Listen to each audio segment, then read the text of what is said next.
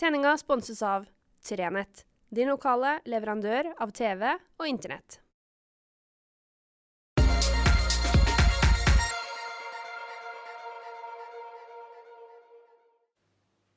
Riktig god fredag.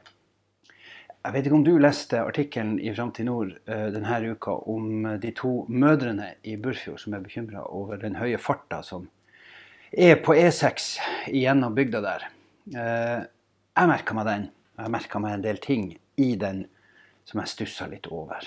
Uh, jeg stusser litt over at vi har det så søkkende travelt. Tilsynelatende nærmest uten noen grunn. Jeg kan forstå at en del yrkessjåfører mener å ha det travelt. Folk som skal frakte ferskfisk fra A til B, har en, et tidsskjema de må nå.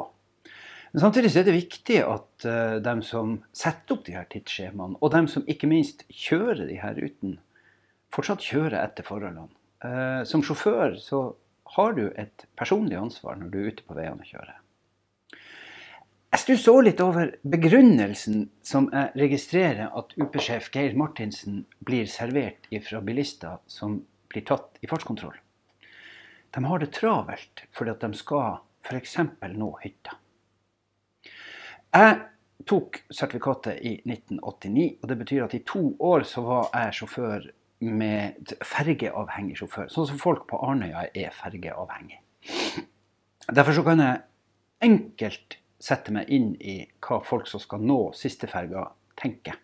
Og hvorfor man er litt tung på foten hvis man skal nå ei ferge. Og folk som skal til Arnøya, kan jeg til en viss grad sympatisere med får det travelt hvis de treffer på veiarbeid. Men så er det samtidig sånn at når vi skal fra A til B, så har vi som sjåfører en plikt til å undersøke om det pågår noe som gjør at det kan forsinke oss. Og så er det noen ganger selvfølgelig at vi utsettes for uforutsette ting. Det kan være en annen bilist som har kommet i trøbbel, så sperrer veien, og så blir du stående, og så slipper du endelig gjennom, og så gir du på. Da skal ikke jeg sette meg på noen høy hest og si at uh, galt og galt. Da er min innstendige bønn at man kjører sånn som man kan kjøre, og har kompetanse og trygghet på. Men uh, selvfølgelig, jeg oppfordrer jo til å kjøre pent, til å kjøre forstandig. Derimot sliter jeg litt når man skal nå Lyngenferga.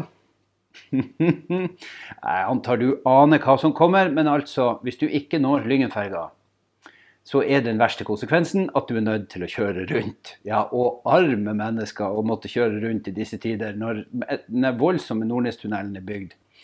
Det er altså så irriterende så fælt og grusomt. Ja, du som hadde tenkt å slappe av på ferga, og fordi du starta for seint, så rakk du ikke ferga.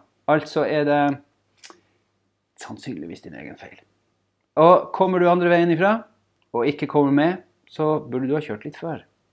Og til syvende og sist, når du skal lete opp unnskyldninger for hvorfor du ble tatt i fartsbot, så ender det veldig, veldig ofte med at du sjøl har tatt et valg som resulterte i at du fikk bot.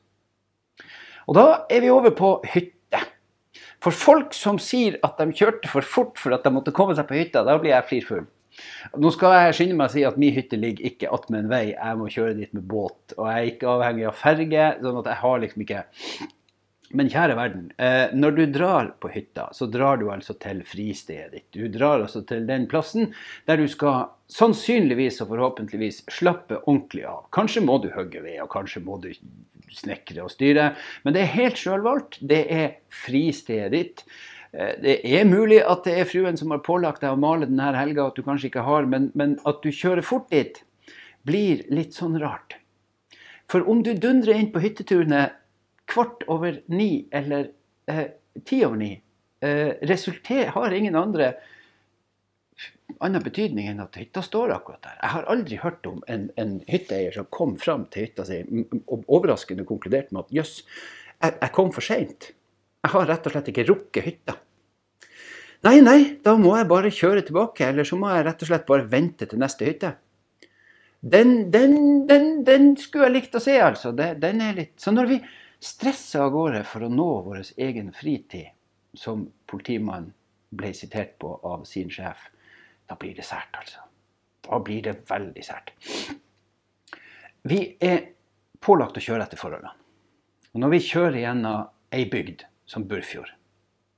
Der husene står ikke tett på veien, og der det er kryss inn og kryss ut, så er det veldig lett å tenke at her er det jo knapt en sjel å se. Det er feil. Det er ganske mye folk. Og er det ikke folk, så kan det være dyr. Det kan være så mange ting som plutselig bare spretter ut i veien foran bilen din, og som resulterer i at du er nødt til å hogge inn bremser, eller i verste fall må foreta en unnamanøver. Og idet du foretar den unnamanøveren, så er det å håpe at det er klar bane. Enten det være seg at du må i grøfta, eller over i andre kjørefelt. Og Dette er sånne ting som vi ikke tenker over der vi sitter i nok-glisene våre med masse masse hestekrefter og milliarder av datating som passer på at vi holder oss innafor hvitlinja, ikke for nært bilen foran. Det piper det hyler og det dirrer og det vibrerer. Eh, og alt er der for at vi skal kunne slappe av som sjåfører.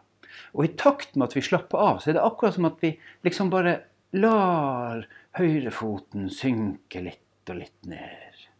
Og så blir farta større, og så kompenserer vi den tryggheten vi hadde i 80 med at vi øker farta til 90, kanskje 100, kanskje til og med enda mer.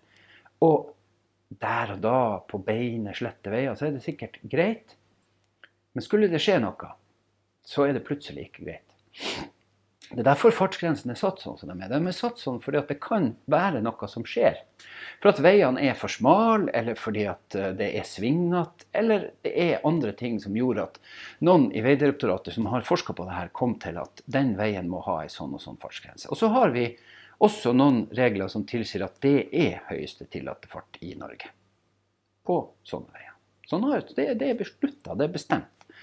Og da kan ikke vi som enkeltsjåfører bare sette oss ned og si at ja, jeg registrerer at det står 80 der, men jeg har tenkt å forholde meg til speedometeret mitt og det jeg kan kjøre. For jeg har tross alt kjørt bil i snart 70 år, og jeg kan kjøre bil. Du verden som jeg kan kjøre bil. Og jeg har tenkt det samme. Og jeg har så mange ganger tenkt jeg kan så mye mer kjøre bil enn den som ligger foran meg og ligger midt på veien og stinker meg, og som sørger for at jeg nå kommer for seint til ingenting. Og Da er det to ting å gjøre. Det ene er å slappe av, puste med magen. Har du en kaffekopp? Ta en sup kaffe. Sett på en rolig låt. Ikke sett på rock'n'roll. sett på en rolig låt, og, og slapp av. Og når du finner ei høvelig strekning, så kjører du pent og pyntelig forbi. Ikke blås forbi mens du hytter med neven og er dum i hodet. Det, det, er så dumt. Og så en siste bønn. Fotgjengerfelt. De her hvite stripene på veien. Vær så snill å ta hensyn i fotgjengerfelt. Jeg har mange trafikale svin på skogen. Jeg har eh, kjørt forbi fotgjengerfelt der det sto folk og, og kjekk på meg med store, engstelige øyne. Ja, det har jeg gjort. Men jeg har prøvd å bli flinkere på det i det siste. Det er kanskje en av de trafikale kjepphestene mine. Jeg prøver å slappe litt mer av når jeg kjører bil, og ikke være så stressa og ikke ha det så travelt. Og det hjelper på. Men fotgjengerfelt, vær så snill, respekter dem. For det står små og store som har behov for å komme seg over. Som ikke er i bil. De er myke, og du er steinehard. Og da er det rått parti hvis vedkommende finner ut at jeg går. Det kan gå forferdelig galt. Det kan gå så galt som det bare kan gå. Så jeg ber innstendig til dere som kjører i tettbygde strøk der det er fotgjengerfelt, respekter dem. Og ikke bruk som en unnskyldning at ja, men det burde ha vært 40, og fotgjengerfeltet burde ha vært opphev, oppbygd. F.eks. sånn som man har gjort klokelig i Skibotn.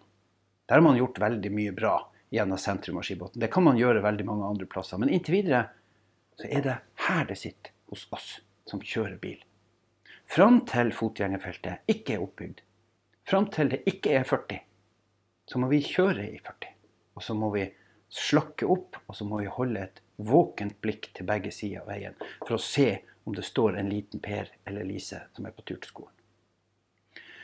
Det er min innstendige bønn til dere. Og så får dere, når dere skal ut og kjøre, kjøre så bra som dere kan. Jeg skal prøve å gjøre mitt. Jeg har som sagt ingen grunn til å sette meg på noe høy hest. Tvert imot. Jeg burde klatra ned av den mange ganger. Jeg kjører fortsatt og gjør masse feil. Derfor er det heldigvis politi som når de tar meg, så tar de meg. Da har jeg tenkt å si huff. My bad. Det har jeg gjort så langt. Klart det. Vært sur, irritert. Ah! Men det er jeg som kjører bilen. Det er mitt ansvar. Ha en riktig god helg. Kos dere masse i godværet. La oss håpe at det ikke blir mer flom, for det trenger vi ikke. Vi trenger godvær og en god sommer, men da må vi ha en rolig inngang. ha det riktig godt og på gjenhør.